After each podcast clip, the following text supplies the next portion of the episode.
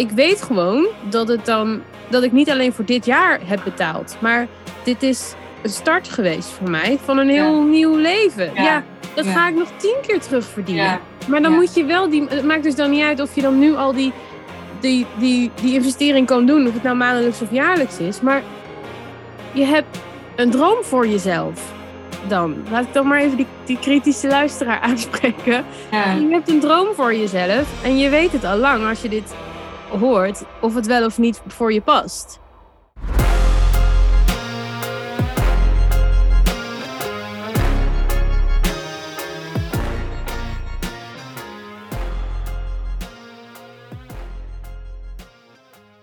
Leuk dat je weer luistert naar een nieuw gesprek met een van mijn klanten. Dit keer spreek ik met Joyce. Joyce van Essen volgde ik jaren geleden al op social media. En zoals ik ook vertel, en je zo meteen zult horen, dacht ik, ja, zij, zij past gewoon bij mij. Zij gaat een keer klant worden. Dat heb ik heel lang gedacht. Maar zoals dat met wel meer klanten het geval was, dat ging niet helemaal zonder slag of stoot. En in dit gesprek zul je dat hele proces horen over ehm, hoe ik Joyce zelfs beledigde. En uh, hoe ze in de weerstand zat. Maar ook welk proces zij ondertussen aan haar kant doorging en daar weer uitkwam. En vervolgens de beslissing nam om met mij te gaan werken. En wat dat haar het afgelopen ruime half jaar tot nu toe opleverde. Hoe ze daarop terugkijkt en wat dat nu al betekend heeft voor haar bedrijf en haar leven. We hebben het ook over wat andere onderwerpen, niet alleen over haar reis als klant van uh, Suus van Schaik. We hebben het ook over hoe zij aankijkt tegen grote bedragen investeren en tegen de investering die het nu vraagt om met mij te werken in mijn één op één business mentorship. We hebben het over hoe zij haar goud gevonden heeft, hoe ze langs allerlei niches en ideeën is gegaan om uiteindelijk dat te vinden waarin ze het allerbest tot haar recht komt. En wat dat ook te maken heeft met een heel persoonlijk proces rondom haar moeder. En hoe het was om zo'n persoonlijk proces door te maken in een programma dat gaat over business, in een business coachingstraject.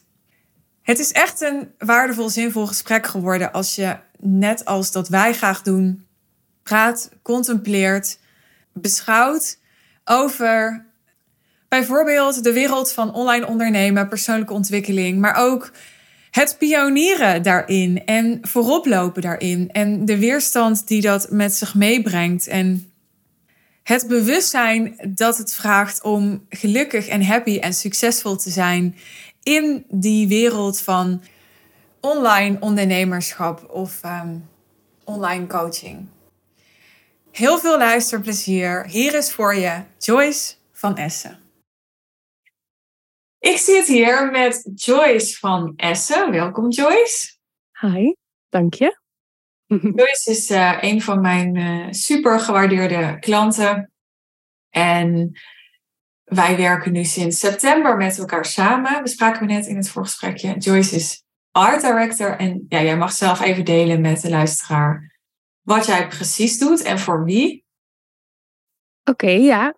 Art director. Ja, het is een, uh, een naam die ik een beetje van jou geadopteerd heb.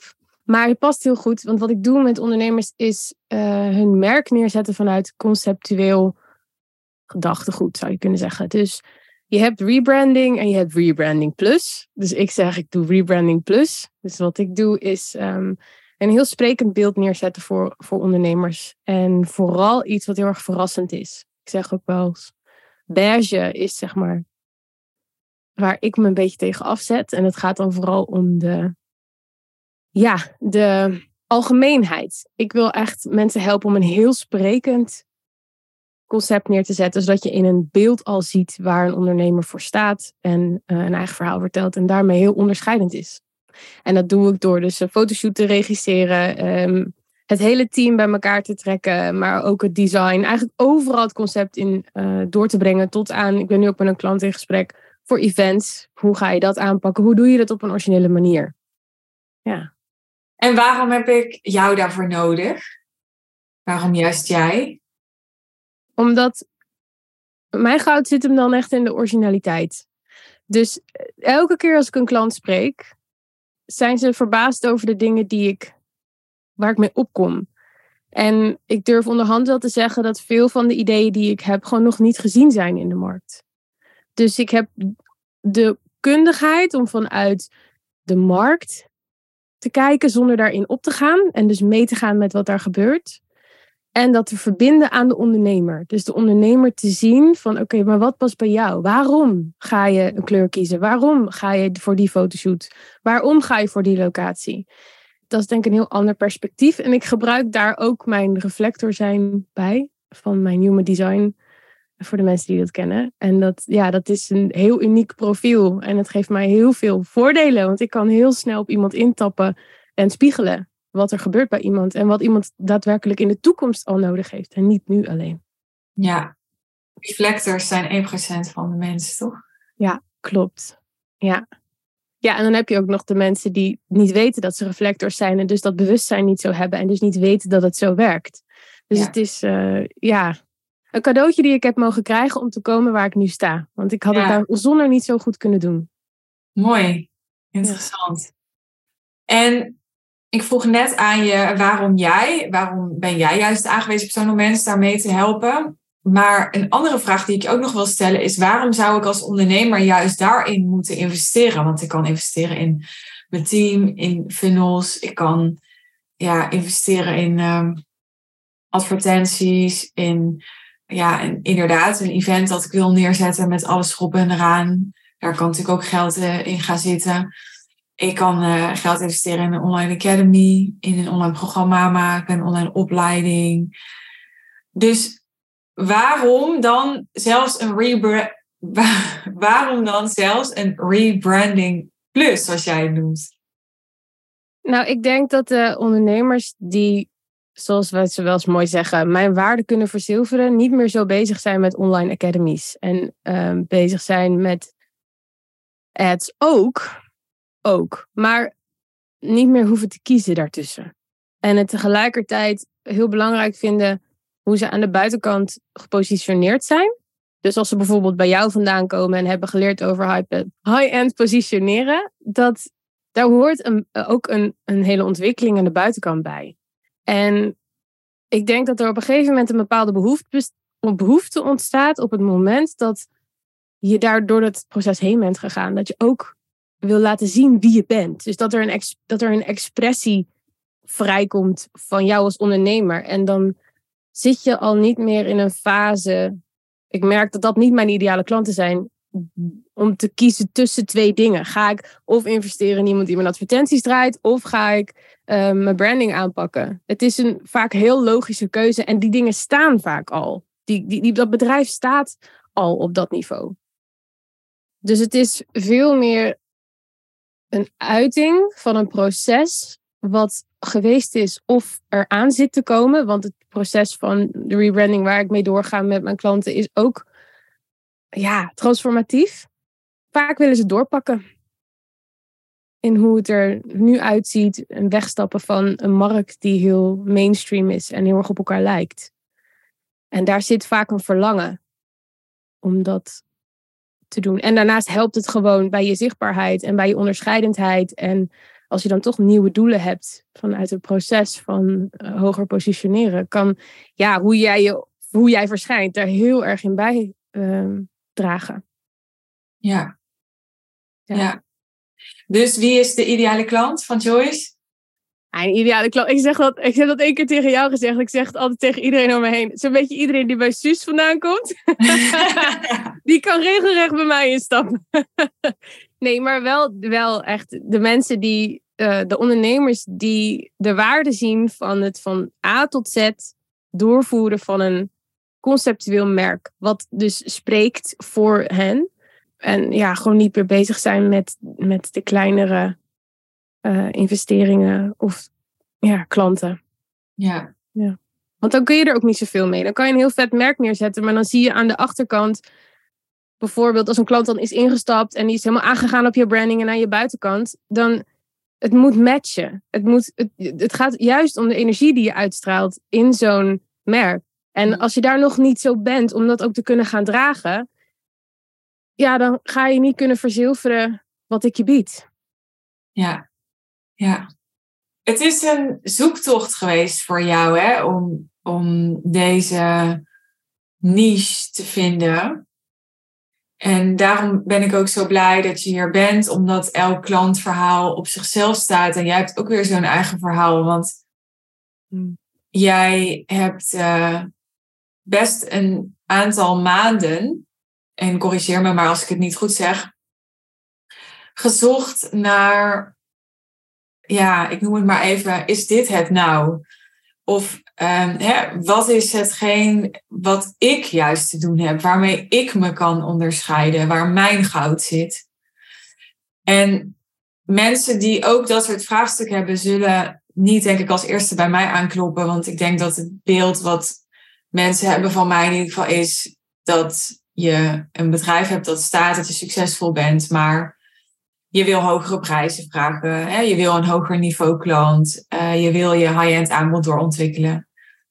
En jij kwam dus eigenlijk wel degelijk, nou misschien bij de start van onze samenwerking al, in ieder geval heel snel in het traject, met dat soort vraagstukken bij mij. Dus waar ik oprecht heel benieuwd naar ben, is hoe heb je mij ervaren in ja, het begeleiden of het naast jou staan van jou met die vraagstukken?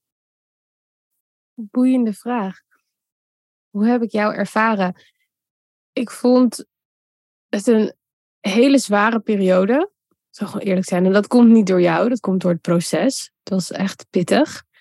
En hoe ik jou daarin heb ervaren, is dat je gewoon niet genoegen nam met het volgende idee of de volgende niche die ik bedacht. of richting waar ik op uitkwam. En heel. Kijk, heel veel mensen in mijn omgeving die hebben gewoon gezegd: Ja, leuk idee, weet je wel. Dan, ja, dat past bij je. Ja, dat kan. En, en, en nou ja, zeker ook als je weer vanuit Human Design kijkt. Ik heb heel veel dingen die ik kan doen. Dus het was voor mij ook kiezen tussen dingen die allemaal best wel bij mij passen. Maar jij prikte daar doorheen omdat het allemaal net niet goed genoeg was, als het ware. Alsof je bijna kon zien van, nee maar Joyce, volgens mij zitten we hier is het dit het ook nog niet. Volgens mij is er nog iets beters. En dat heb je niet zo gezegd, maar zo heb ik dat wel ervaren door, dat, door de vragen die je stelde. Door de manier van telkens teruggeven van wat er gebeurde. En, en toen werd het ook heel snel duidelijk eh, of heel snel niet. Toen werd op een gegeven moment werd het duidelijk wat ik wel wilde doen. En ik ben je er nu ontzettend dankbaar voor dat, dat je dus niet eerder met me B bent gaan praten. Zo van, oh ja, leuk idee om uh, spirituele ondernemers betere teksten te laten schrijven. Want dat, dat, dat, tuurlijk zou het best kunnen, maar het, het is niet echt waar mijn passie ligt. En daar heb ik echt maanden voor nodig gehad. Dus dat, dat heb je, dat, daar ben ik heel blij mee. Terwijl dat niet de zachte aanpak is van, nou, ik heb het al eens eerder over gehad, de zachte aanpak die ik als eerder heb ervaren. Dus, dus zo van wat meer Bij een andere coach bedoel je? Of bij ja, ja, ja, allebei. Ja. Dus ik, ik weet dat ik op die reden bij jou moest zijn. Omdat het gewoon not settling for less. Ja, ja. En ik kan me voorstellen, ik, ver, ja, ik verplaats me altijd in de luisteraar als ik deze afleveringen maak. En dan kan ik me voorstellen dat iemand ernaar luistert en denkt: Maar ja, je hebt toch een expertise, je bent toch ergens goed in, of je weet toch wel wat je wil. En, of ja, zocht ze gewoon naar een manier om geld te verdienen of zo, dat het zo alle kanten op ging. ja, kun je eens delen van Nee, hoe, hoe is jouw ondernemersreis dan gegaan? Want je bent ergens ondernemer mee geworden. Het is ook niet zo dat je nog geen ondernemer was toen je bij mij instapte. Dus hoezo is dat allemaal ter discussie komen te staan of zo? Ja, dat had ik ook niet verwacht toen ik instapte. Ik dacht echt, ik weet wat ik aan het doen ben. En uh, ik, ik ga dat met Suus uh, volgens een ja, ander businessmodel aanpakken en dan, dan zijn we er wel. Ik weet nog dat ik in onze sales call zei, volgens mij is er niet heel veel nodig. Uh, en gaat het gewoon, eh, ik ben er bijna voor mijn gevoel. En dat was het niet. Dus ja, waar ik ben begonnen, ik was 21 en toen trouwde ik. En toen maakte ik trouwkaarten voor mijn eigen bruiloft. op een manier die in Amerika al wel een, een, een normaal was of gebruikelijk was. En in Nederland niet. De trouwbranche pikte dat op. En zo ben ik in het ondernemerschap gerold. Ook weer dat verrassende. dat is echt het thema in mijn, in mijn zeven jaar nu al. Dat ik dus, uh, of al langer, ja, ondernemer ben. Dus vanuit daar heb ik allerlei fases gehad. Ik heb ook al veel verschillende dingen gedaan. Ik heb voor high-level uh, bruidsparen in de trouwbranche. Ik was zeg maar, ik denk dat ik de duurste trouwkaartmaker op een gegeven moment was. Omdat er, uh, ik was er voor die markt. En uh, daarin ben ik doorgegaan naar, nou ja, dat vertalen voor andere ondernemers. Om hen te helpen, om ook met branding en marketing. Ik zit er al heel lang in. Maar wel heel vaak op een low-end manier. Mijn man doet daar ook heel veel mee. Dus ik had altijd een beetje de programma's, de cursussen, die vibe van passief inkomen, et cetera. Een beetje die omgeving, daar kwam ik uit. En ik merkte dat ik daar gewoon niet verder in kwam. En ging het over geld? Nee. En ja. Het ging over, nou eindelijk echt eens een keer iets vastpakken. Waar ik langetermijn goed geld mee kan verdienen. Want wat ik elke keer merkte, is er zit zoveel meer in mij. En ik ben aan het werk met klanten die dat niet kunnen verzilveren. Dat snap ik nu pas achteraf. Maar dat was toen de situatie en de frustratie was zo groot dat ik dacht, ik kan nu weer een lancering gaan draaien of weer een programma maken. Maar ik, ik ben helemaal kapot na deze sessies. En ik had daar ook, en dat heb ik ook eerder gedaan, ik heb daar eerder goed geld mee verdiend. Alleen het kostte me veel te veel. En toen kwam ik, werd ik moeder en toen kwam er voor mij ook in een fase van schakelen. Ja, wist ik ook even niet wat ik met die frustratie aan wilde. En toen ging ik jouw podcast luisteren en toen dacht ik, damn, dit is het. Als in, dit businessmodel is mij op het lijf geschreven. En toen dacht ik nog dat ik het voor, ik weet helemaal niet meer, moet ik eerlijk zeggen, welke fase ik toen zat van wat ik aan het doen was. Waarschijnlijk iets van coachen voor ondernemers. Maar ja, dat is nu zo'n distant memory voor mij. Dat is helemaal niet meer relevant eigenlijk voor mij nu. Maar dat is wel hoe ik ben ingestapt. Ja. En ik wilde gewoon meer geld verdienen voor, omdat ik wist dat er heel veel potentie in mij zat. Dat ik dacht, dat mag ook gewoon gewaardeerd worden. En ik ben degene die dat waarschijnlijk niet, gewaardeerd, niet genoeg waardeert in mezelf. En daar kan ik van Suus nog een heleboel van leren. En toen heb ik het risico genomen, want het is ook niet zomaar even dat ik dacht, ik stap bij Suus in. Dus dat was ook een, ja. En eh, het was een soort nu of nooit situatie voor mij. Ja, interessant. Gaan we het daar nog over hebben. Ja. Heel even één stapje terug, want ja, ik ben een soort waarheidsstrijder. Dus ik luister dan, dan denk ik, oké, je was een van de duurste trouwkaartontwerpers, zei je net. Ja. En daarna zei je, ja, maar ik werkte eigenlijk steeds heel low-end. Dat klinkt voor mij dan niet heel low-end. Oh ja, ja. Maar dat was na elkaar of zo? Of, of hoe moet ik dat zien? Ja, ik heb een hele post dus uh, trouwkaarten gemaakt uh, in die meer high-end scene. Um, ook voor merken gewerkt, uh, op locaties en events. merken zoals, nou ja, ik ga maar even name droppen. Een, een Vogue, een Chanel. Op die plekken ben ik daarin geweest. En dat vervulde me niet. Tegelijk... Wat deed je? Je ontwierp dingen voor die Ja, ik ontwierp dingen. Ik zat op locaties. Ik um, uh, schreef hun uitnodigingen met de hand. Oh, ja. En maakte daar het concept van. Omheen. Ja. Dat was heel druk. Uh, ik werkte ook met partijen wat niet altijd even prettig was. Dus ik, ik, dus ik zat daar niet op mijn plek. En tegelijkertijd kreeg ik heel veel vragen van collega's uit de markt. Werd ik gekopieerd? Ben ik gaan coachen? Maar dan vooral via online programma's. Dat bedoel ik met dat ja. uiteindelijk naar het low-end ging. Ja. Dus ik ging eerst in de uitvoering um, in high-end. Dat ging vertalen voor anderen uit mijn markt, uit mijn omgeving. In een low-end businessplan voor programma's. En dat is zo doorgezet. Ja, ja. Want ik had high-end coaching, had ik nog nooit van gehoord. Ik wist niet eens dat het bestond. En ik had nou, er weerstand op. Dus, ja, ja, waar ik even naartoe wil is die weerstand. want ik weet nog zo goed de Joyce van ik weet niet, twee jaar geleden, drie jaar geleden. Ik denk zeg maar de, het jaar voordat je moeder werd en toen je zwanger was, weet ik nog. Ja, ik had op, een gegeven moment gewoon echt zo'n tijd, zo'n zo'n klantprofiel. En jij paste daar gewoon perfect tussen. Dus ik dacht, ja, Joyce, die, nou, dus niet eens van die moet een keer klant worden, maar meer gewoon, die gaat een keer bij mij, weet je wel, in, in mijn klantenkring. Want ja, daar past jij gewoon zo tussen. Maar ja, jij was, dat had ik natuurlijk al lang door, lekker hard to get. Want um, ja, ik heb een naam, denk ik, een beetje in de online bubbel. Dat ik, uh, dat ik echt ja, een uh, fanatieke outreacher ben. Of fanatieke volger ben. En ja, dat in mijn beleving, vanuit mijn perspectief, is dat altijd heel erg meegevallen. Maar er waren altijd wel mensen. Ik had altijd wel een lijstje van mensen die ik in de gaten hield. En waar ik dan denk ik ook wel, nou ja, de post van liked en zo. En jij was er daar één van. Maar er kwam echt helemaal nooit iets terug. Dat was heel opvallend. Ja, ja, ja, dat klopt. Hoe heb jij dat beleefd, die periode? Ik zat toen echt in een fase van, ik weet wat je aan het doen bent, Suus, en het gaat niet gebeuren. Zo voelde het bij mij. Zo ging het bij mij. Ik had heel veel weerstand op op het, op het nagejaagd worden.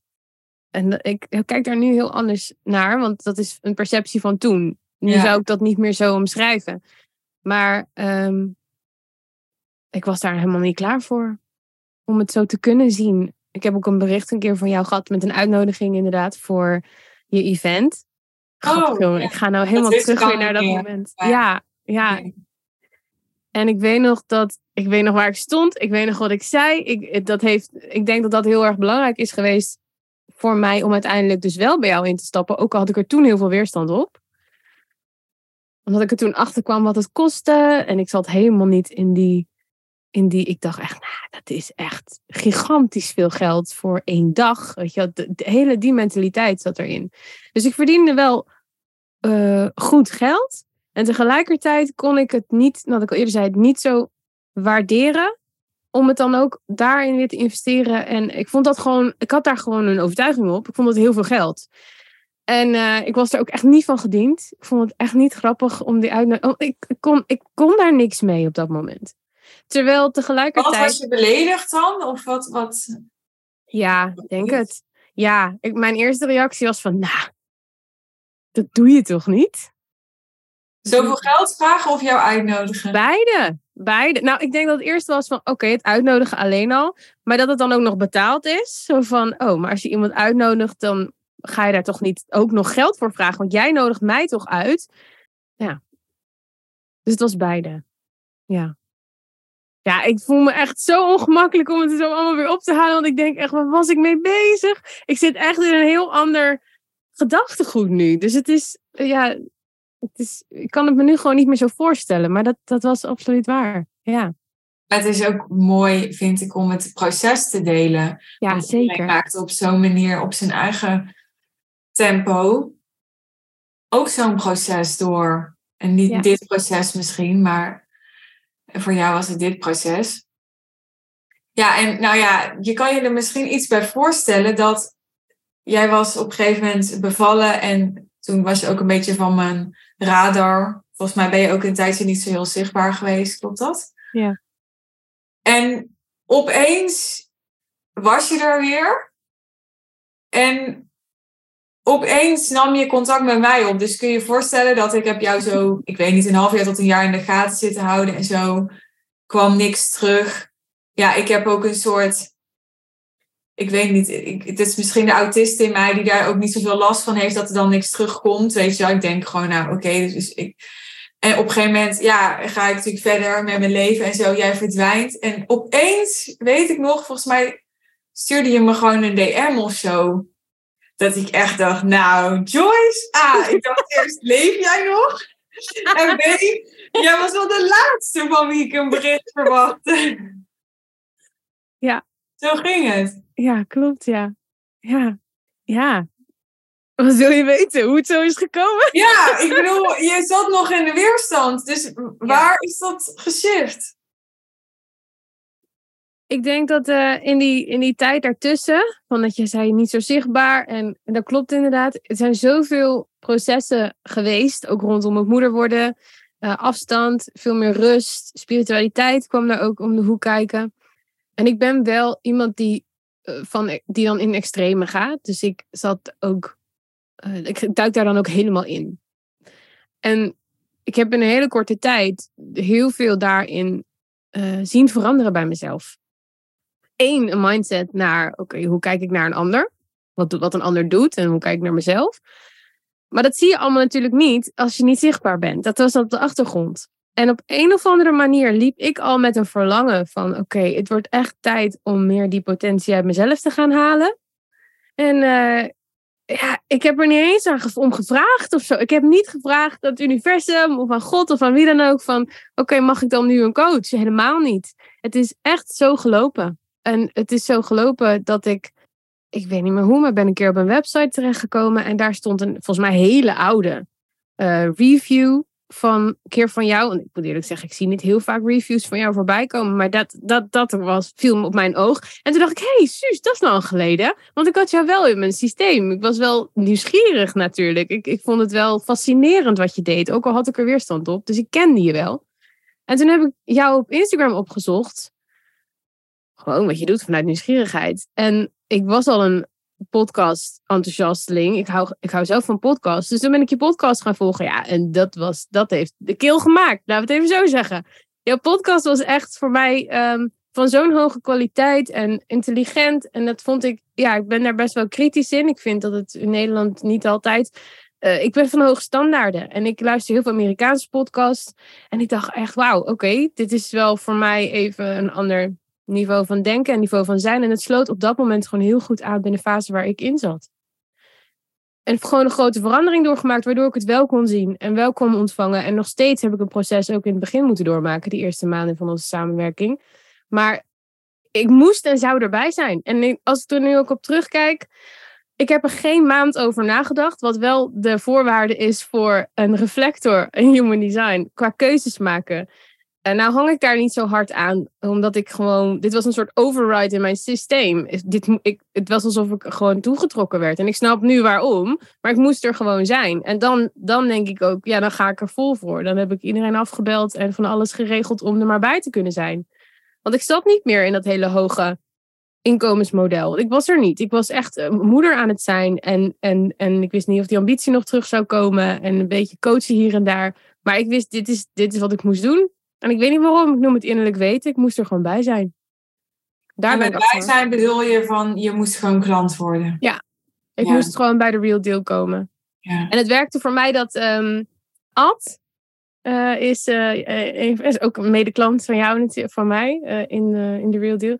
En die kende ik al en die staat ook op een... Dus ik had heel veel vertrouwen ook. Zo van, oh, wacht even. Hij is ook ingestapt en ik heb hem hoog zitten. En nou ja, zo is dat... Ja ook, heeft ook bijgedragen. Dus er waren meerdere factoren. Ja. Ja. En hoe kijk je terug op de journey sinds je bent ingestapt? Uh, tweeledig. Het heeft echt twee delen voor mij. Tot aan uh, december 2022, dus tot de eerste drie, vier maanden, waren voor mij echt heel pittig, heel uh, zwaar. In die zin dat ik geconfronteerd werd met oude patronen van mezelf, die ik vanuit mijn kindertijd meedroeg. En ik had daar, mijn moeder is overleden. En ik, er kwam heel veel omhoog uit die relatie, in onze relatie.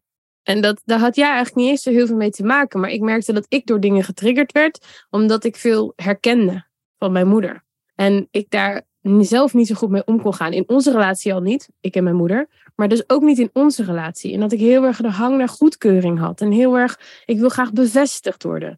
Dus die eerste paar maanden, ook omdat het een zoektocht was in wat ik wilde doen en welke niche voor mij was, werd ik daar niet in beantwoord.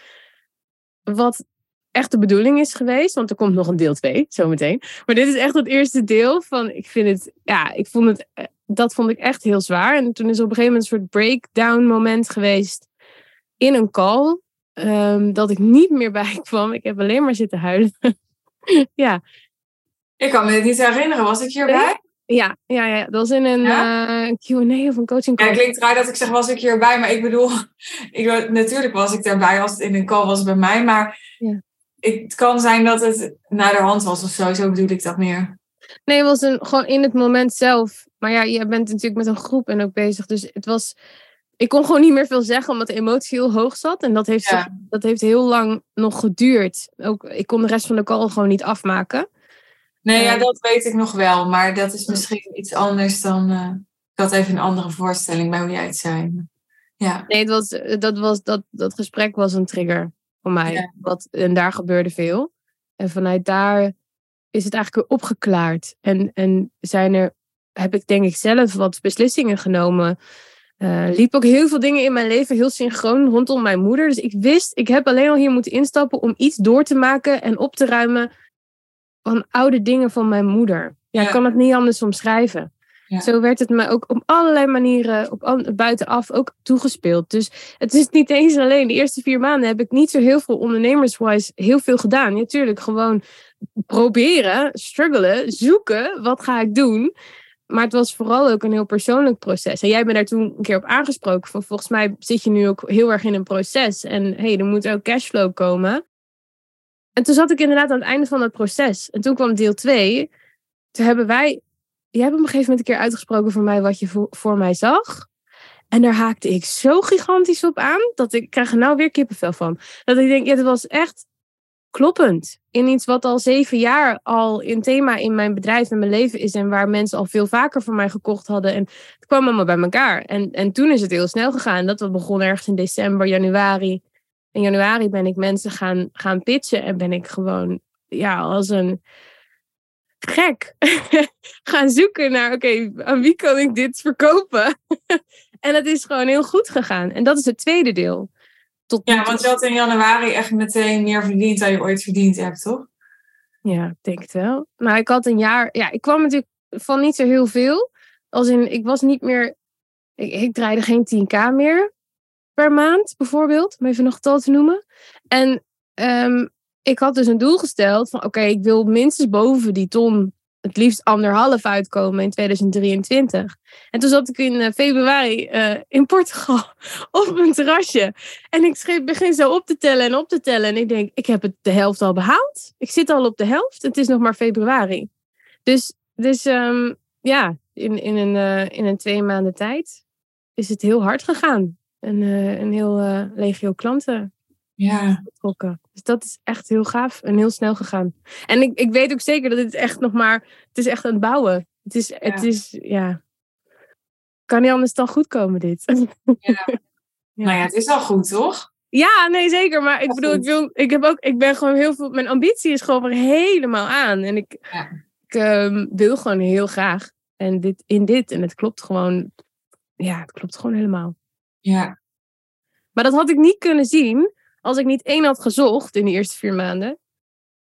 En niet tegen mezelf in het proces aan was gelopen. Want nou blijkt dus, wat ik dus nu doe, en ik heb het nu ook op mijn website geschreven, want dat viel me de laatste weken op. Ik, ben, ik, ik streed bijna een beetje in de voetsporen van mijn moeder. Dus ja, het, het voelt als een heel logisch proces wat hier is gebeurd. Ik moest eerst iets opruimen om te zien waar ik mijn goud, wat ik ook van mijn moeder deels heb meegekregen, mag inzetten. Ja. Dus eh, ja, man, ik krijg er helemaal kippenvel van. ja, toen is de cirkel helemaal rond. ja, ja. Ja. Bijzonder. Ik kan me voorstellen dat, ehm, nou ja, dat er zomaar nog iemand luistert die denkt, ja, ik zit ook in een persoonlijk proces. Of hè, ik, ik hoor dat wel eens, dat mensen het ook... Kijk, sommige mensen zoeken echt bij mij gewoon, die denken, ja, ik, ik heb van alles doorgemaakt de afgelopen maanden of jaren. En ik wil nu gewoon hè, zakelijke businessgroei, gewoon strategie, klappen, acties, accountability. Maar er is natuurlijk ook altijd een groep mensen wat zich misschien persoonlijk nog even wat wankeler voelt. Of wat denkt, ja, ik weet eigenlijk ook niet helemaal zeker als ik eerlijk met mezelf ben. Of dit is wat ik te doen heb. Of, en ik ben benieuwd, omdat jij dus, nou ja, meerdere processen al eh, hebt doorgemaakt. eh, sinds je mij kent en dus sinds je met mij werkt.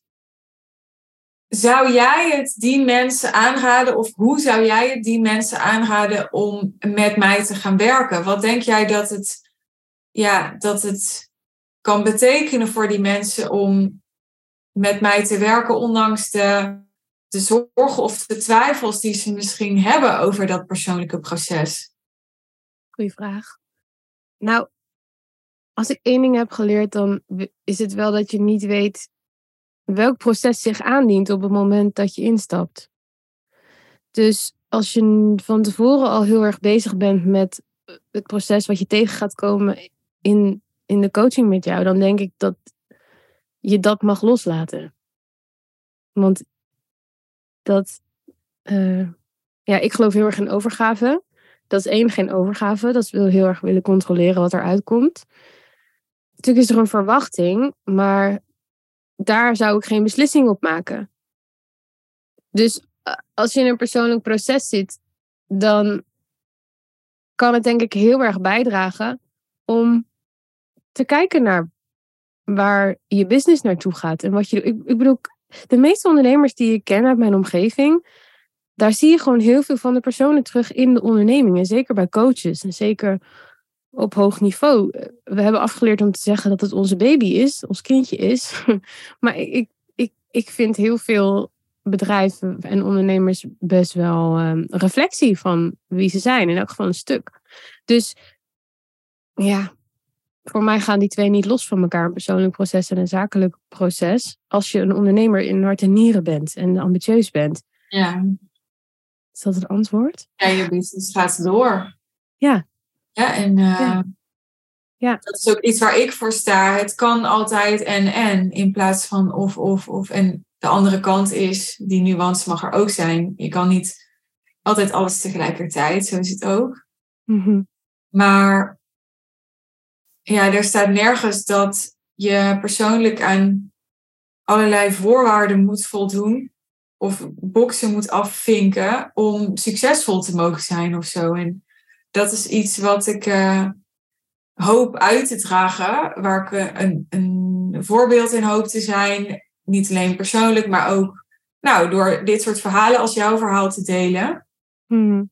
Dat het naast elkaar kan bestaan. Want het is een illusie ook, denk ik, als je een coach bent en dus altijd ook met je eigen persoonlijke ontwikkeling bezig.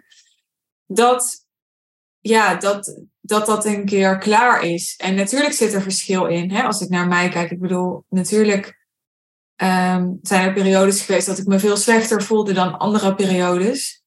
En toch, precies zoals jij zegt, ja, voor mij gaat ondernemerschap ook altijd door. En uh, ja, heeft het ondernemerschap me vaak in moeilijke periodes me hmm. houvast gegeven maar ook belangrijke lessen geleerd. Het is ook een enorm belangrijke mentor. Dus het, het kan elkaar helpen. Als je daarvoor open staat, dan kan het elkaar helpen. Dus je bedrijf kan je persoonlijke processen helpen, ondersteunen. En die persoonlijke processen, als je die doormaakt, die helpen je bedrijf weer. Ja, ja eens ik, ik heb nog nooit zo hard gewerkt als uh, de maanden van. Ja, dat, zullen misschien wel therapeuten zijn die daar heel veel over te zeggen hebben. Maar nou ja, toen mijn moeder overleed, ik heb wel eens gezegd: mijn bedrijf heeft me op dat moment gered. Omdat ik er. Ik, ik had, ik heb, mijn bedrijf ging gewoon door. Tenminste, niet meteen, maar ik heb daar zoveel uit kunnen halen. En dat is niet een heel populair, um, populaire mening. Maar dat was mijn manier om die eerste maanden door te komen om het later op mijn eigen tempo te kunnen aankijken. Dus ja, ik, ik denk niet dat het voor iedereen gezond is of voor iedereen de beste manier is. Maar voor mij was het op dat moment wel. En ik heb er tot op de dag van vandaag geen spijt van. Want het heeft me gewoon hele mooie dingen opgeleverd. Ja. Ook in het proces zien. Dus, um, nou ja, maar nogmaals, het stuk verwachten dat wat er gebeurt in zo'n. Ik had ook niet verwacht dat het een persoonlijk proces zou aanraken. Want ik dacht inderdaad dat het, dat het niet zo heel persoonlijk zou worden. En dat werd het wel. Dus ja. Ik kan daar wel even kort iets over aanvullen. Hmm. Dat wordt het eigenlijk altijd. Dat is wat ik zie. En ook hiervoor geldt bij de een natuurlijk wel meer dan bij de ander. Maar dat is wat ik zo boeiend vind aan het high-end business model. Dat juist als je ja, op hoog niveau gaat ondernemen. Dat is eigenlijk waar het voor mij over gaat. Want je gaat je hele bedrijf upgraden. Dus je hele bedrijf naar een hoger niveau brengen. Je gaat je op een hoger niveau klant richten. Je gaat die klanten op een hoger niveau bedienen. Je gaat op een hoger niveau geld vragen en dus ook ontvangen. Daarmee ga je op een hoger niveau investeringen doen. Dat gaat allemaal mee. En daarmee heb je je overtuigingen te shiften. Want je kan je bedrijf niet upgraden terwijl je aan dezelfde overtuigingen vasthoudt die tot nu toe je plafond waren. Eén kan hebben. Dus het is, en daarmee wordt het altijd persoonlijk. Want die overtuigingen, die heb jij bijvoorbeeld van je moeder of van je vader meegekregen. Of die hebben te maken met dat je ehm, ja, bang bent om je partner te verliezen, omdat je ergens denkt, oeh, als ik meer ga verdienen dan hij, bijvoorbeeld, dan, uh, ja, dan, dan gaat dat destructief zijn voor onze dynamiek. Dus het wordt altijd persoonlijk, is mijn ervaring. Ja, precies. Omdat, omdat je persoon, je, inderdaad, je overtuigingen, dat is niet uh, bij de KVK of zo na te zoeken. Zo van, uh, welke, welke overtuigingen heeft mijn bedrijf? Nee, jij bent de baas. ja, ja. ja, dat kun je niet uh, op iemand anders afschuiven dan jezelf. Ja, nee. eens, ja. Ben je er blij om? Gewoon even nog, ja, ik vraag maar op de vrouw af, dat je ja hebt gezegd, de investering hebt gedaan. Ja. Ja, voluit. Ja, absoluut. Dan had ik echt niet hier gestaan. Misschien op een andere manier. Is het waard ook? Vind ik het het waard? Ja, zeker. Ik, ja, absoluut. Ik um, vind ik het het waard. Ik, vind bijna een beledigende vraag, Suus. Oké, oké. Ja, want ja, dat vind ik, vind ik een interessante vraag. Want Nee, misschien komt dat ook wel door, door mijn. Ja, ik weet niet. Ik ben heel benieuwd waar de vraag, hoe, waar de vraag vandaan komt. Nou, omdat ik, ik probeer me altijd te verplaatsen in de luisteraar. En er zullen ongetwijfeld mensen luisteren die al helemaal ervan overtuigd zijn dat het waard is. Ja. En ook mensen die er niet van overtuigd zijn. En ik vind het altijd toch ook nog, ik ben ook maar gewoon de mensen spannende vraag om te stellen, omdat ik heb jou niet geprogrammeerd. Nee. Ik heb, ook, ik heb geen domme klanten, dus die die zijn gewoon eerlijk en ook wel genuanceerd en zo. Maar ja, jij kan hier elk antwoord op geven dat je wil. En natuurlijk, het feit dat je hier zit, geeft aan hè, van oké, ik wil graag lovende woorden over jou uitspreken. Er zit een soort impliciete intentie. Nou, ik weet niet of het impliciet is, maar er zit een, die intentie zit erachter. Zo, uh, zo ervaar ik dat. Ja. Dus ik verwacht natuurlijk niet dat je gaat zeggen, nou nee, achteraf, weet je wel, als ik het nog een keer, dan, dan had ik het niet gedaan. En toch, kijk, jij hebt het al gedaan. En jij hebt het al ervaren. Maar ja, bijna iedereen die hier naar luistert, heeft dat niet. Zo simpel is het. En die kunnen iets denken, die kunnen iets aannemen, maar ze weten het niet. En die hebben gewoon continu, zo kijk ik daarnaar als marketeer, de, de voeding nodig van hè, zoals jij net zei, van het is veilig. Je had het aan het begin van het gesprek over een risico nemen. Toen dacht ik, ja, dat vind ik interessant om nog op terug te komen. Want het kan zo zijn, jij ervaarde het toen misschien nog als een risico nemen, maar nu al misschien niet meer. Als ik voor mezelf praat, toen ik begon met veel geld investeren in coaching, vond ik dat in het begin ook een risico. Nu heb ik dat niet meer. Omdat ik investeer in mezelf en ik heb zelf van alles doorgemaakt en laten zien en bewezen. En dat wil niet zeggen dat ik alles goed doe. En dat wil niet zeggen dat ik uit elke investering een even goed rendement haal. Allemaal niet. Maar ik weet wel dat er, dat er een soort baseline in mij is. Waarmee ik het gewoon altijd ga redden. En, waar, en waarop het altijd goed is. En daarmee is het geen risico meer. Je kan hooguit zeggen. Ja, met de kennis van nu had ik andere beslissingen gemaakt. Of zo. Hè, dat kan altijd. Maar ja, ik bedoel, dat is, geen, geen, dat is nooit een reden om het niet te doen. Want als ik uh, Instagram-post van mezelf van twee, drie jaar geleden teruglees, ja, dan denk ik ook, ja, met de kennis van nu had ik het anders opgeschreven. Natuurlijk. Dat is mhm. altijd zo. Ja. Dus, ja, waarom stel ik de vraag? Omdat er ongetwijfeld mensen luisteren voor wie het ook nog als een risico voelt. En ehm, we kunnen zelfs nog een stap verder gaan. Want ik denk altijd, hoe zou ik hier zelf naar luisteren? En ik ben zelf een kritische consument, luisteraar, alles. Ik ben gewoon kritisch. Dus iets wat ik nog niet aan mensen in deze podcast heb gevraagd. Dus dit wordt een experiment. Is, oké, de investering die jij hebt gedaan in de Real Deal, dat was het waard. Inmiddels vraag ik voor mijn business mentorship een stuk meer geld. Wat overigens, wil gelijk van de gelegenheid gebruik maken om dat ook een beetje te relativeren. Want je kan een half jaar met mij werken, één op één. En die investering is ongeveer evenveel als een jaar de real deal. Maar het rendement of de uitwerking daarvan hoeft helemaal niet minder te zijn. Dus het valt allemaal ook wel weer mee. Mhm. Dat hebben mensen niet door, maar dat is wel zo. Maar goed, stel ja, de Real Deal heeft natuurlijk op verschillende momenten verschillende eh, price points gehad. Maar aan het einde was een jaar de Real Deal ongeveer 50.000 euro. En een jaar één op één in mijn business mentorship met mij werken is nu 100.000 euro. Dus ik kan me voorstellen dat je luistert en denkt, ja, die 50.000, dat snap ik nog wel, maar 100.000 is letterlijk het dubbele. Hè, dus zou het ook 100.000 waard kunnen zijn? Ja, En dan formuleer ik het een beetje voorzichtig, want de echte vraag is natuurlijk, is het 100.000 euro waard? En zo ja, voor wie?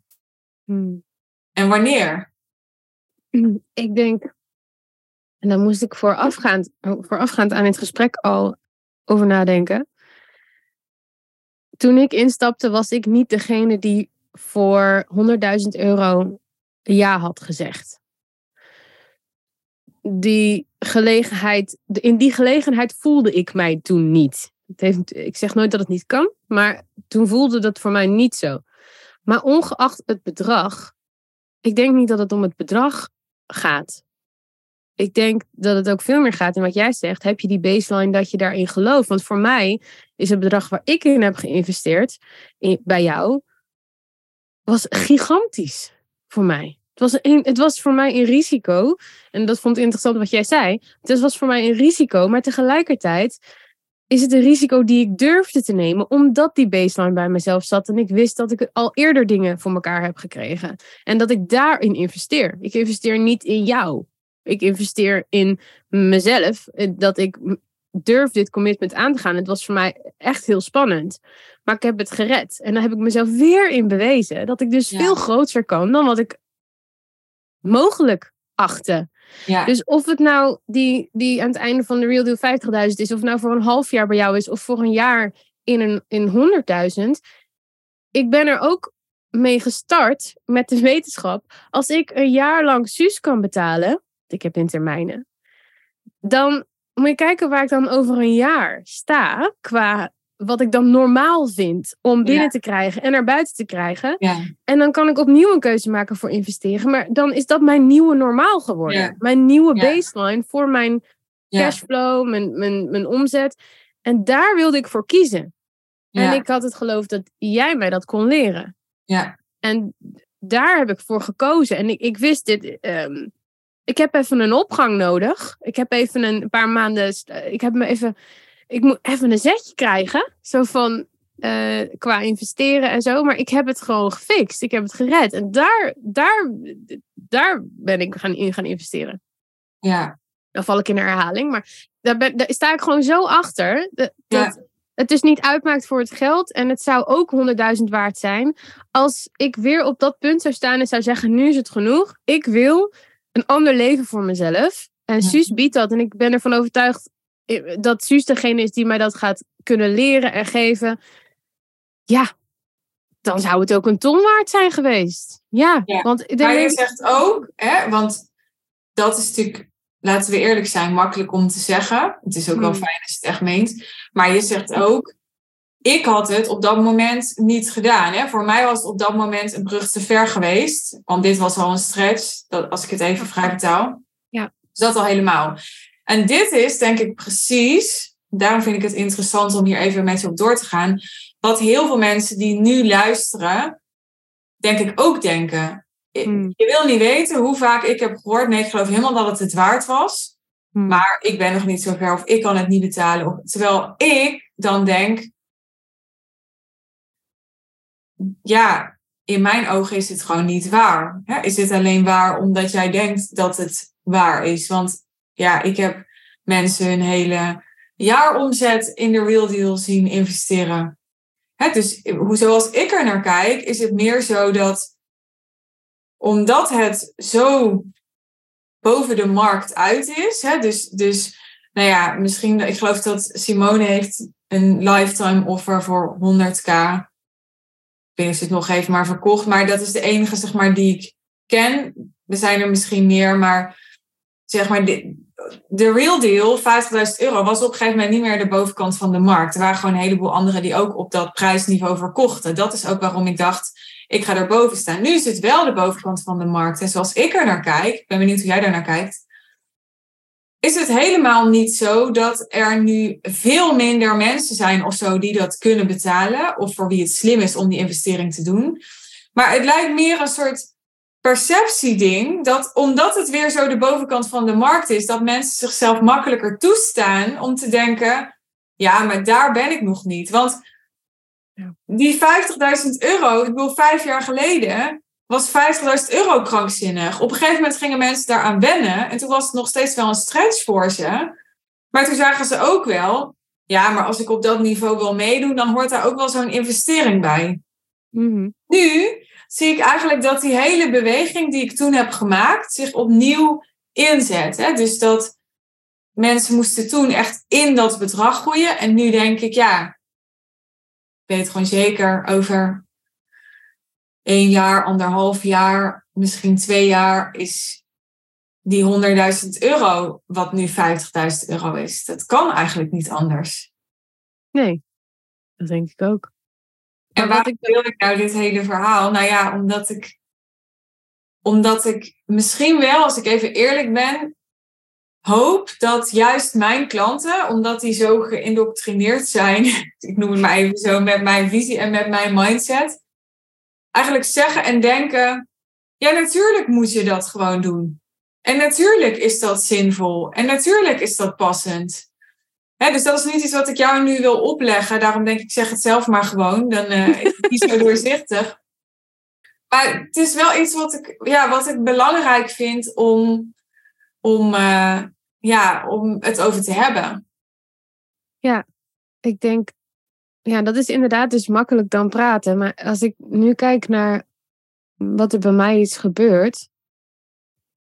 Ja, ik, ik, als zou ik dus een ton hebben betaald, dan zou ik dat dus, dat, dat heb ik dan zeg maar nu al voor de helft terugverdiend. Zeg maar, als in, ik, en ik ben een half jaar bezig. Dus Ja, maar dan denkt dus de kritische denker, hè, want ik zit hier dus op de stoel van de kritische denker. Ja. Oké, als dat zich doorzet, dan heb je na een jaar de investering terugverdiend, maar dan heb je geen cent extra.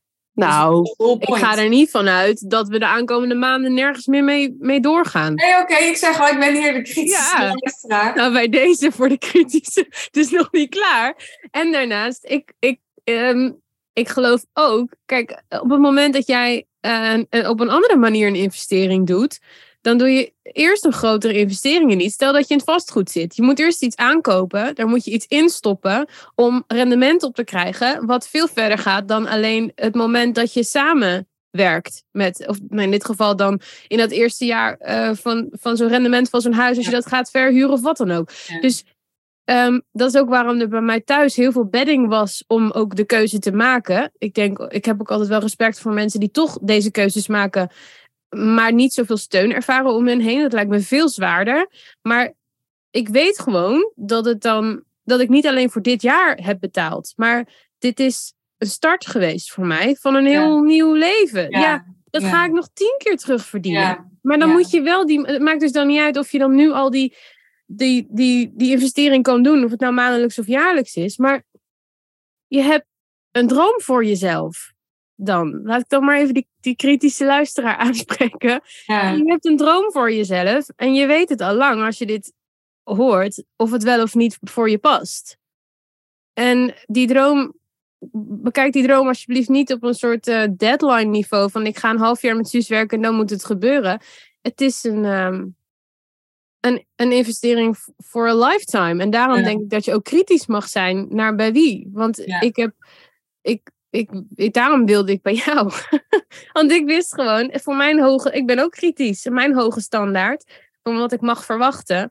Ja, dat, uh, er was dan geen ander, andere mogelijkheid. En ik verwacht dat, dat het nog, nog tien keer terugkomt, ook mochten wij niet uh, verder gaan. Dat, dat, of ik ga iets anders doen.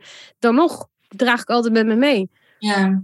De, ik denk dat het erg. Ik denk niet meer dat het voor het niveau ondernemer voor, die voor jou, uh, die, die in jou zou investeren. Ik denk niet dat die mensen zo zouden denken. En ik, in elk geval zou ik je niet aanraden om op die manier ernaar te kijken naar deze investering, omdat dat termijn, voor mij te kortzichtig is. Ja. En dan ga je het ook niet doen, want dan ga je alleen maar denken aan de maandtermijnen en wat wel en niet kan. Het gaat om het geloof in wat er mogelijk is. Ja. Ik heb een mening. Heb jij ook uh, dat, uh, dat salesproces geluisterd? Want jij luistert nog steeds heel trouw naar de podcast, toch? Ja. En uh, nou, voor de mensen die denken, waar gaat dit over? Een paar afleveringen terug heb ik een drieluik gemaakt met lessen van Q1. En deel 2 ging over een, een salesproces dat ik had gehad in het eerste kwartaal van dit jaar. En ja, ik, ik dacht net, oh, ik ga dit misschien wel aan hen sturen. ik heb ze al heel lang niet gesproken.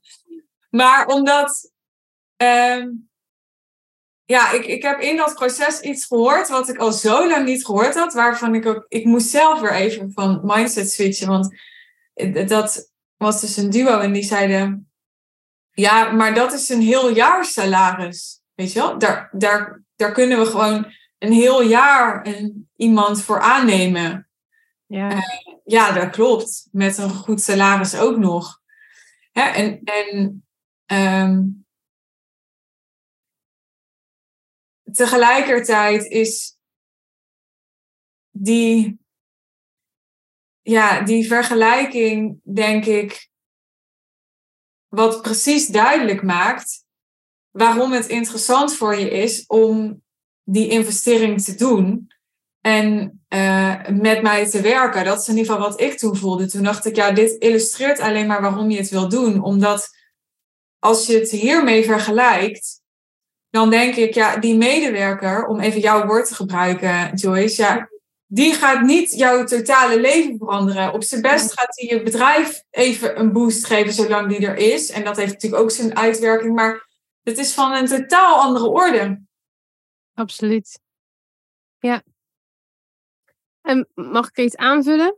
Ja. Ik, ook, ik heb dat proces inderdaad gehoord. En ik vind het mooi hoe gedetailleerd je daarin uh, durft te zijn in de podcast. Dus voor wat ik heb meegekregen, hè, wat ik dus ook een interessant vraagstuk daaruit vond, is: oké, deze mensen zijn serieus in gesprek met jou om 100.000 euro te investeren.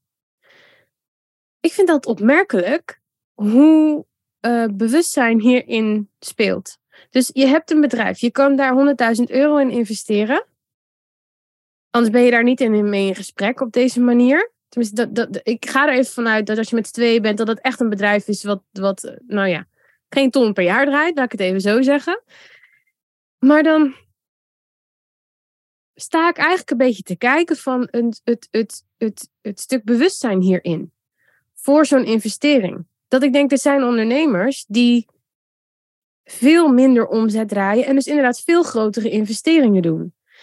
En ik denk dat het dan dus niet meer gaat om rendement, maar veel meer gaat om hoe ver zit je in je bewustzijn en je bewustzijn over jezelf in wat mogelijk is en wat mogelijk is in dit leven. En hoe serieus je risico's neemt, als in hoe serieus je ze neemt, maar ook hoe serieuze risico's je neemt. Uh, en maakt het dan dus ook niet. Je hoeft zeg maar geen bedrijf te zijn die een paar miljoen draait om een ton te investeren. Omdat dat bedrijf misschien een ton kan investeren, maar helemaal niet het rendement eruit haalt tot wat iemand uh, die 2,5 ton draait zou, zou kunnen. Ja. Omdat iemand in een bewustzijnstand staat die ja. veel sneller of op een andere manier kan ontwikkelen of doorontwikkelen. Dus ja.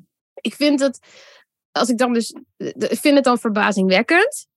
En ik vond het heel interessant tegelijk. Dat, dat, dat, dat er zoveel kansen zijn voor mensen die. Nou ja, laat je niet tegenhouden dan door je omzet.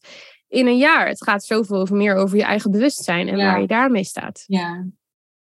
Ja, mijn eerste investering in een high-end coachingsprogramma deed ik nul omzet.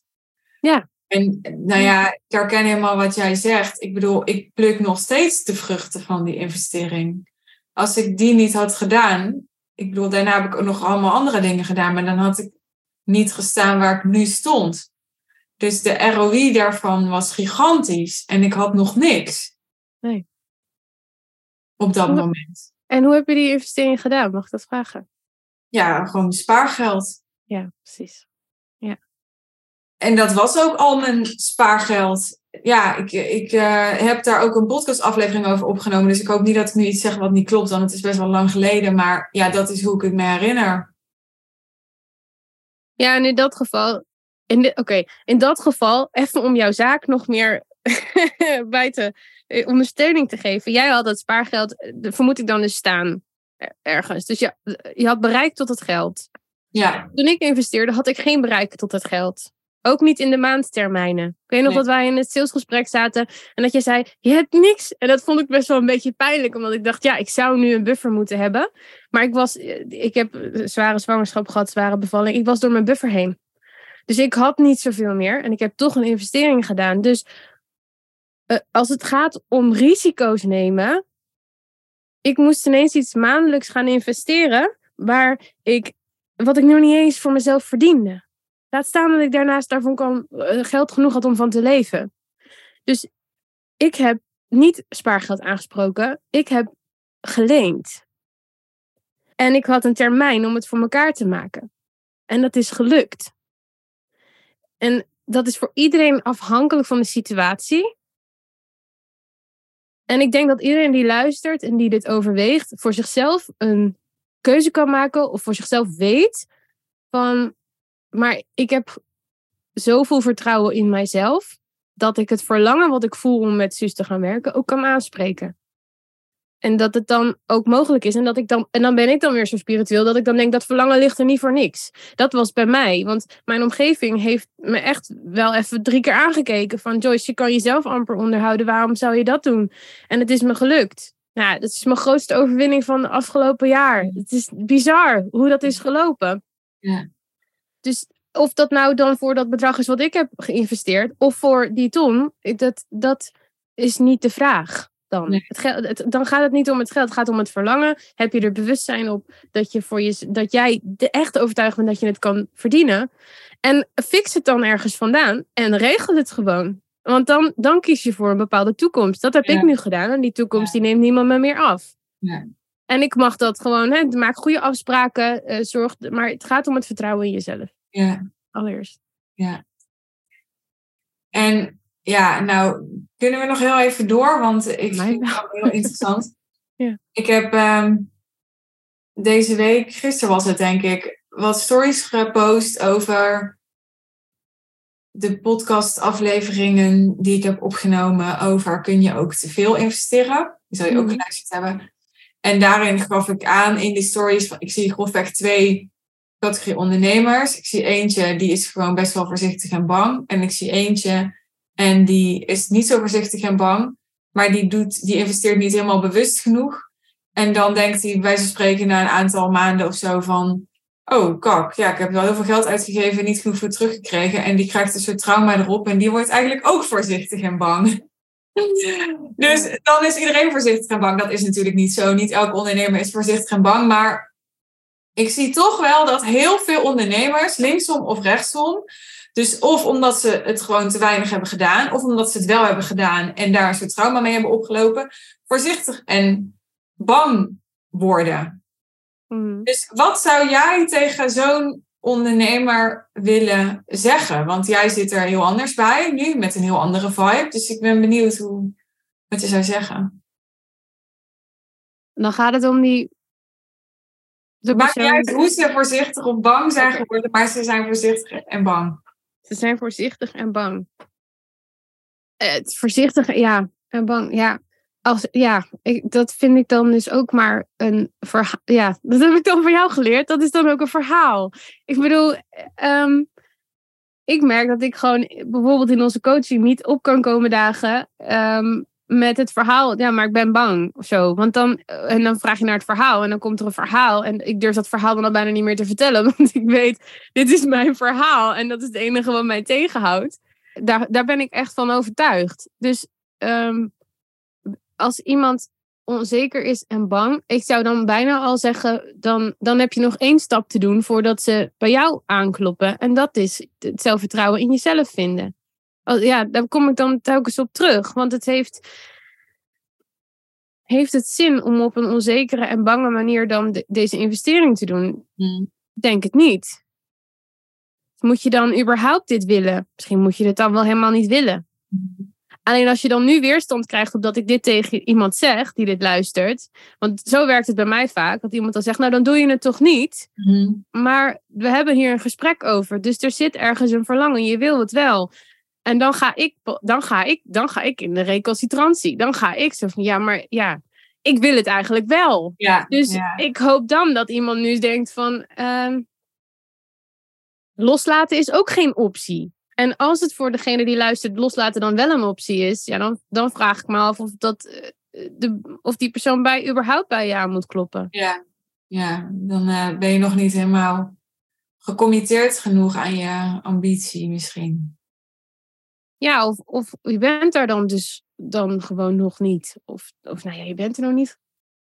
Er, er ligt dan nog eerst een stap in doorzien dat dit dus een verhaal is. Wat in de weg staat van een bepaald verlangen. Want als iemand luistert nu en die heeft helemaal dit verlangen niet, dan, ja, dan is er geen gesprek. Nee. Dan, nee, ja, dan kan je het wel. Of, of het hoeft niet eens over verlangen te gaan. Het kan ook over het oplossen van een probleem zijn. Stel dat iemand nu rondloopt met een probleem en die denkt niet dat jij dat kan oplossen. Ja, dan heb je geen gesprek. Maar als iemand rondloopt met een probleem of een verlangen en die persoon is wel van mening dat jij dat kan oplossen, maar het geld staat in de weg. Ja, dan bedoel ik, dan, dan zit er iets tussen. Is er eerst nog een stuk bewustzijn, denk ik. Van wat voor verhaal vertel je jezelf? Want er is niet voor niks een bepaald verlangen of een oplossing bij Suus die te vinden is en die, waarvan je weet dat je hem kan halen. Want anders hadden we dit gesprek dus niet. Anders had je nu niet te luisteren of, of, of ben je nu niet gegrepen door wat we zeggen. Dus ik geloof altijd dat die mensen dit dan mogen horen. Ja. Ja. het is inderdaad makkelijk praten en het is niet makkelijk doen. Het is een moeilijk proces. Dit is, het kan een heel moeilijk proces zijn om daar doorheen te gaan, maar. Oh god, sommigen kan het niet willen missen. nou ja, ik kan me goed voorstellen. Jij zegt het is een verhaal.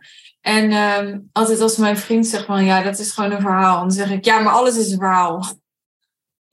Ja, maar alleen al jouw reactie geeft toch aan dat hij gelijk heeft? Ja, natuurlijk heeft hij gelijk. Maar het is ook een verhaal. Alleen het lastige met verhalen is dat het altijd verhalen zijn. Dus ga je het bestrijden, is dat ook weer een verhaal. Weet je wel? De hele wereld, het hele leven bestaat denk ik uit verhalen. Mhm. Maar ehm, ik kan me zo goed voorstellen dat als je de ervaring hebt, dus het is niet alleen maar een concept in je hoofd, maar je hebt gewoon de ervaring dat het je niet opleverde wat je had gehoopt. Ja, die heb ik dat, Ja. Ja, dat, dat, dat je dan denkt, ja, maar dan ben ik wel een naïeve koe als ik het dan nog een keer ga doen. Weet je wel? Dat kan ik me gewoon goed voorstellen. Ja, ja, ik ook. Ik ook. Maar dan, dan denk ik, ja, als, als je het het, als ik even in die schoenen stap, want ik heb deze ervaring ook. Als ik deze investering zou vergelijken met eerdere investeringen die ik heb gedaan, die qua bedragen niet overeenkomen, laat ik dat even meegeven. Dus ik heb eerder minder geïnvesteerd en nu heb ik veel meer geïnvesteerd. Ik kan die één al daar niet in vergelijken. Um, en twee, ik kan het gewoon niet vergelijken. Het is niet eerlijk om dat te vergelijken. Want ik heb sessies gehad, ik heb, heb investeringen gedaan die veel minder waren en minder uitgehaald. Voor mij is, is dat is dan een kritische keuze die je zelf moet maken. Van hoe kritisch ben je? Waar ga je je geld op instoppen? Ook als het niet eens je geld nog is. Ja, ik ben van mening dat, er, dat daar dan niet zo heel veel keuze is. Als je met jou wil werken, als je overweegt om met jou te werken, dan, nou ja, ik vind dat je wat je teacht goed uitdraagt door op die manier um, een voorloper te zijn geweest in je markt, nog steeds een voorloper bent in je markt, maar je ook op een bepaalde manier al vanaf het begin hebt, af aan hebt ja, onderscheiden. je snapt wat ik bedoel. Dat zijn allemaal dingen die ik denk mogen meewegen in een overweging om met jou te werken. Dus ja. Ehm, ik denk niet dat je coaches kunt vergelijken. En, en alleen al niet het proces waar je zelf in zit. Ja, ik heb het gevoel dat ik nou gewoon alleen maar. We zijn het hier volgens mij heel erg over eens. Want ik luister ook jouw podcast. En ik, ik, ik zit heel. Ik vind dat. Ja, ik zit heel erg op dezelfde golflengte. In ja. Ehm, het is.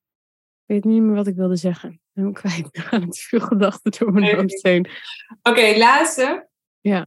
Jij deelde gisteren stories over mij. Je had mij niet getagd, maar. Oh nee, nee, daar ben ik heel oh. slecht in. Sorry. Nee, dat maakt mij niet uit. Maar ik dacht gewoon, nou, uh, ik had het ook zomaar kunnen missen. Maar uh, dat had ik niet. Ik had je in de gaten gehouden. Hmm. En um, toen zei je ook dat er mensen zijn die verbaasd zijn over jouw coachkeuze. En volgens mij bedoelde je daarmee te zeggen dat er mensen zijn die zich afvragen: werk jij met Suus? ja. Klopt dat? Ja. Je zeggen? ja, klopt. En uh, nou, je ging toelichten waarom je daarvoor had gekozen. Kijk, want nu gaat het heel erg over de mensen die denken: ik wil met Suus werken, maar het is zoveel geld. Weet je wel, daar ging het nu even over. Maar er zijn natuurlijk ook een heleboel mensen die denken: met haar.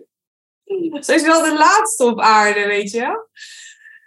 Of ervaar je dat niet zo? Ik krijg in ieder geval soms mm. indruk, juist door mensen zoals jij die dan posts maken, dat ik denk, nou kijk, tegen mij vertellen ze dat niet.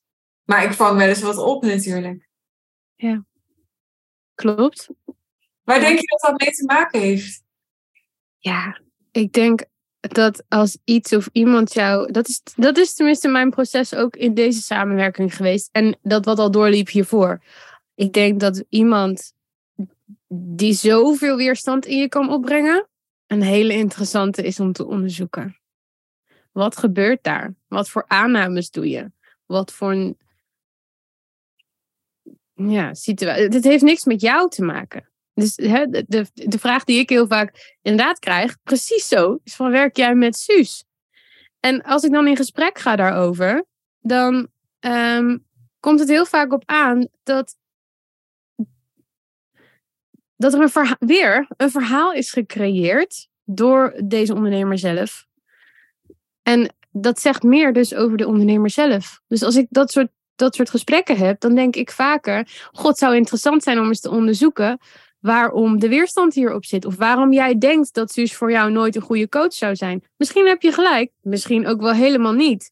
Want um, als ik eerlijk ben en ik kijk naar mijn triggers, dan zijn de mensen die mij het meeste intimideren ook wel degene waarmee ik het meeste te leren heb.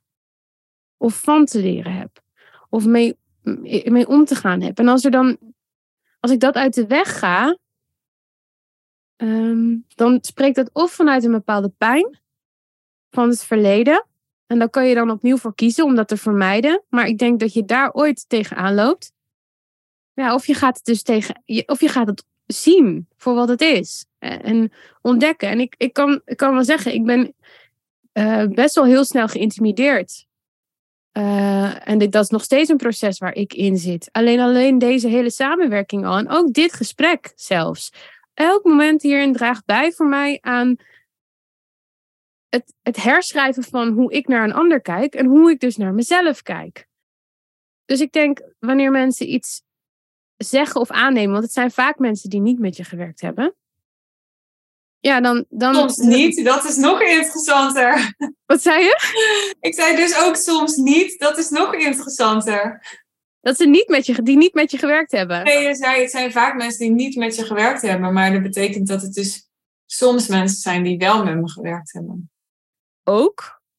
Nou, nee, die stellen niet die vraag. Die stellen niet de vraag van eh, werk jij met Suze? Want of we kennen elkaar uit de groep. Maar laat ik het zo, laat ik het zo zeggen. Er zijn. Uh, als, ik, als ik vanuit. En ik, dan pak ik. Spreek ook eventjes vanuit wat ik. dit deel ik niet heel vaak. Omdat het niet altijd heel gangbaar is om. Voor, niet altijd ontvangen kan worden door een ander. Maar ik spreek even vanuit wat ik ook zie gebeuren. Vanuit het, het, het, reflector human design vanuit mij. Wat heel erg een spiegel, als spiegel werkt. En ook wel de judge wordt genoemd. Ik wil niet oordelen. Maar ik zie soms dingen gebeuren. Ehm, als ik zo'n zulke opmerkingen krijg. Of die vragen krijg. Dan zie ik vaak bij de persoon zelf een weerstand. En is het echt van die persoon.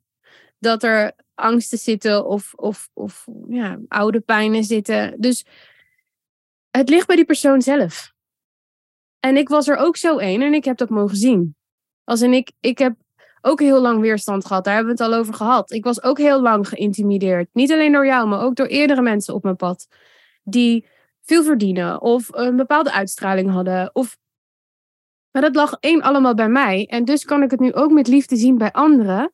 Maar is niet iedereen daar altijd al klaar voor om dat te zien? En dan komen ze in aanraking met mij. Een reflector, super empathisch, ehm, heel uh, expressief, heel emotioneel. Dat is alleen al op human design een, een compleet tegenovergestelde van jouw type. Dus uh, er zitten bij ons contrasten. Maar dat betekent niet dat het niet kan samenwerken, of dat we er niks aan hebben, of dat ik niet veel van jou kan leren. Dat zou voor mij al een heel krom beeld zijn als ik dus alleen maar met empathische, emotionele en super expressieve mensen zou werken. Wat heb ik daar nou in vredesnaam van te leren? En ik denk dus ook, dat zie ik dus ook wel veel gebeuren, dat best wel veel mensen um, dingen horen of dingen zien. En dat dan aannemen voor waarheid. En daar mag best wel wat meer bewustzijn op komen. Dat je dus een beeld vormt zonder de twee kanten van een verhaal te hebben of het volledige verhaal te hebben. En, en dat alles wat je hoort, want ik hoor ook heel veel, dat ga ik niet allemaal meenemen in hoe gekleurd mijn beeld is van onze samenwerking van jou, van andere mensen om me heen. Dus daar ben je zelf bij en daar mag je jezelf soms uh, op terugroepen. Van oké, klopt dit beeld? En, en ik mag ook gewoon alles even aannemen en horen en dan onbevooroordeeld zijn. Ja, ja. ja. Zo, ja. Nou, dankjewel Joyce. Ik vond het heel boeiend. Ja, ik ook. Interessant. Bedankt voor je ruimte de vragen. Is er nog iets waarmee je wil uh, besluiten? Nou, nee, er komt niks. Nee. Nee, dit was het. Ik heb heel veel gezegd al. Ja. ja. Dankjewel voor, uh, voor nou ja, dit en deze, deze ruimte ook weer op jouw podcast. Ik kijk er naar uit om mezelf terug te horen. Dankjewel dat je er was. Dankjewel voor onze samenwerking. Ik kijk er enorm naar uit wat hij nog meer gaat brengen. En uh, wij spreken elkaar snel. Mm Wauw, je bent helemaal tot hier gekomen in ons gesprek. Tof. Dit was een van de langste klantgesprekken die ik heb opgenomen. Dus uh, ik ben blij dat we je tot hier hebben weten te boeien. En ik hoop dat het interessant en inspirerend voor je was. Wil je reageren aan mij of aan Joyce? Je vindt mijn Instagram en LinkedIn in de show notes. Mocht je me nog niet volgen daar of met me geconnect zijn, Reach out, leuk om van je te horen. Ik zal ook de Instagram van Joyce, zij is daar het meest actief, delen in de show notes, zodat je haar ook kunt gaan volgen als je het tof vond om naar haar te luisteren. Of als je nog aan haar wilt reageren in een DM. Denk je, ja, ik, uh, ik weet nu gewoon zeker, ik moet contact opnemen. Ik moet ook de journey of a lifetime met mezelf aangaan. Ik luister al vaker naar Suus en ik weet gewoon, ja, als ik het nu niet doe, wanneer ga ik het dan doen? Ga naar de show notes. Klik op de link achter Werk met Suus, boek je call. En wie weet spreken we elkaar dan binnenkort via Zoom om het te hebben over jouw diepste ambities en verlangens. En hoe jij je daar volledig aan kunt committeren en je grootste, stoutste, meest boldest verwachtingen kunt waarmaken voor jouzelf. Want je doet het voor jouzelf deze journey aangaan. Ik kijk er naar uit om van je te horen heel graag weer tot de volgende podcastaflevering. En je weet het, als je deze aflevering tof vond en denkt er worden hier dingen in gezegd, die moeten meer mensen horen, deel de aflevering dan in jouw netwerk, bijvoorbeeld via jouw social media kanalen. Dat vind ik enorm tof. Geef ook als je vaker luistert en denkt, ja, die podcast heeft voor mij zoveel waarde. Alsjeblieft, 5 sterren via iTunes of via Spotify. Dat, uh, ondersteunt enorm en zo kunnen we meer ondernemers bereiken met deze audio content. Tot de volgende aflevering. Fijne dag. Ciao.